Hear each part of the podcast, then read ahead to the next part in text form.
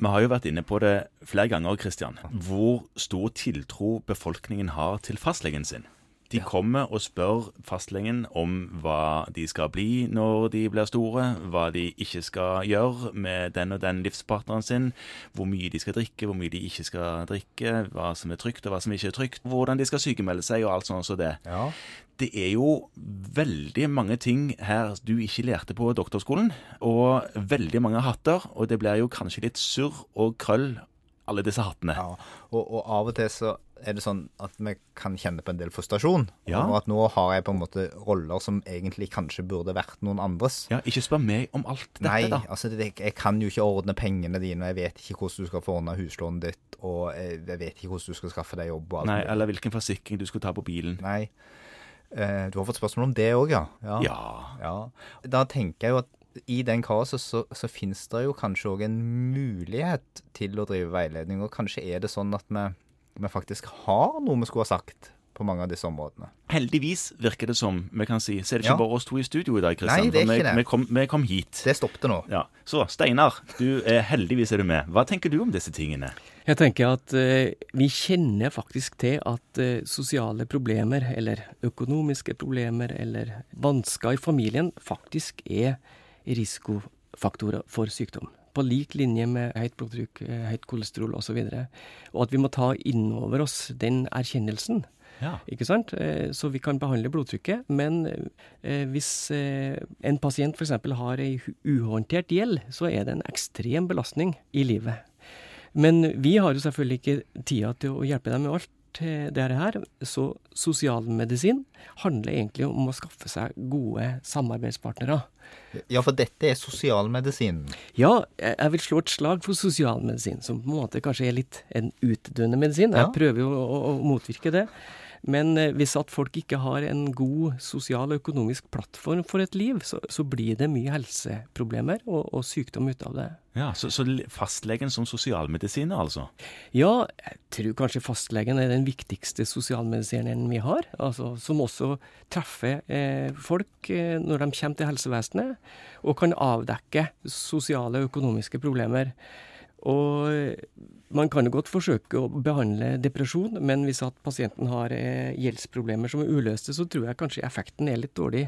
Men, men hjelper det å erkjenne dette kun, eller på hvilken måte skal man Man kan jo behandle en depresjon eller et høyt blodtrykk eller kolesterol, men det er ikke så lett å på en måte behandle en høy gjeld. Nei, eh, og da kommer vi inn på sosialmedisin, som på en måte er et tverrfaglig samarbeid.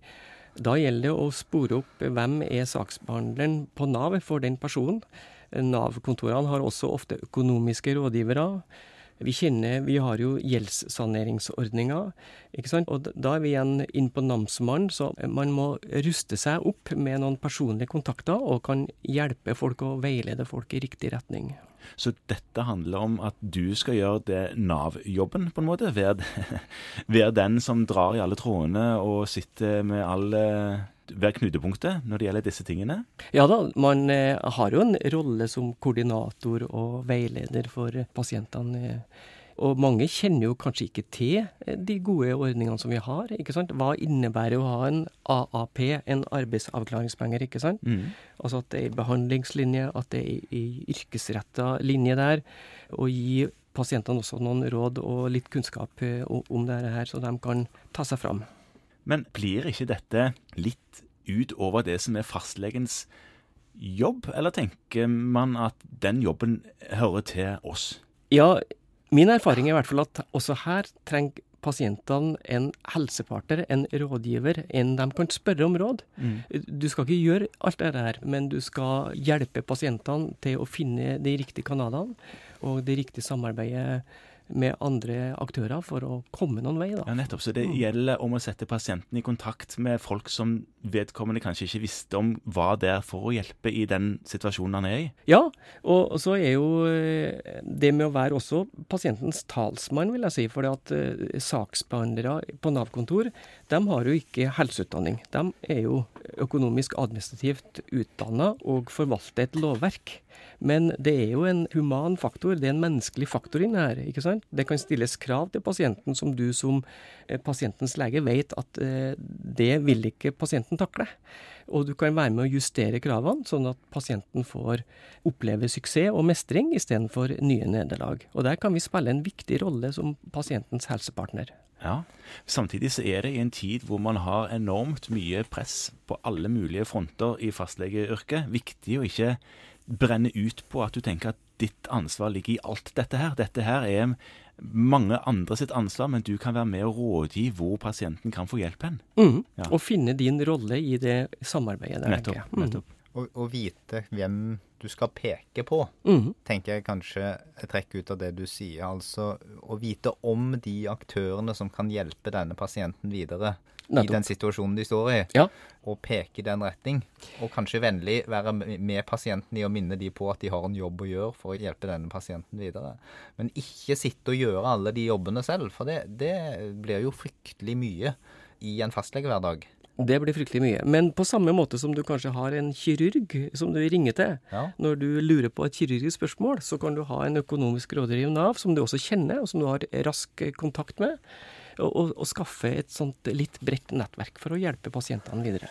Jeg har lyst til å bare henge litt på en ting du sa tidligere, og det er dette med at annen sykdom behandles dårlig hvis det er en stor sosialmedisinsk utfordring. Og da er det en ting som jeg lurer litt på, det er vi er kanskje ikke så flinke til å stikke hull på den sosialmedisinske utfordringen alltid. Nei, og det kan jo være at man vegrer seg litt, for at det kan komme mye vondt og vanskelig. Eh, og da gjelder det å ta fram eh, empatien, da, og sette seg rolig tilbake og lytte litt. Og det kan være fantastisk godt for en pasient å ha noen å snakke med også, og, og få noen gode råd på veien. altså. Og så er det jo noe med at dette her er jo antagelig ikke de stolteste egenskapene til den pasienten. Så det kan jo være Vi har hatt Torgeir Gilje Lid i studio her før som har snakket om alkohol, og hvordan man snakker med pasienter om alkohol, som òg er en litt sånn tabubelagt greie. Som et stort lån, eller økonomisk uføre og sånne ting, òg kan være for pasienter. Er det noen Vet du om noen tips og triks på hvordan man kan på en eh, empatisk, du var inne på det, måte komme fram til om det ligger noe uhelse i en, en, en høy gjeld eller et eller annet annet som er en sånn familiegreie? Ja, det handler jo faktisk om å ta seg tid. I hvert fall late som man tar seg tid. For eh, det hjelper ofte å sette seg godt ned i stolen og eh, si Kan du ikke fortelle meg litt om det her? Det tar ofte færre minutter enn du tror. Så, eh, men hvis du spiller 'Nå har jeg tid til å lytte på deg', så, så kommer det ofte andre ting. Og så er jo kanskje sånne pasienter som også trenger oppfølging over tid, da. Ikke sant? At man faktisk eh, tenker at vi kan gjøre eh, Spille en viktig rolle for sånne pasienter over tid, og ikke avvise dem, men faktisk eh, Det høres ut som at du har jammen meg noe å stri med. Skal vi sette opp en ny time, og så går vi videre med den saken. Så det er vel som mange andre sånne ting at dersom pasienten føler seg hørt og forstått, så ligger det veldig mye godt i bare det. Mm. Mm.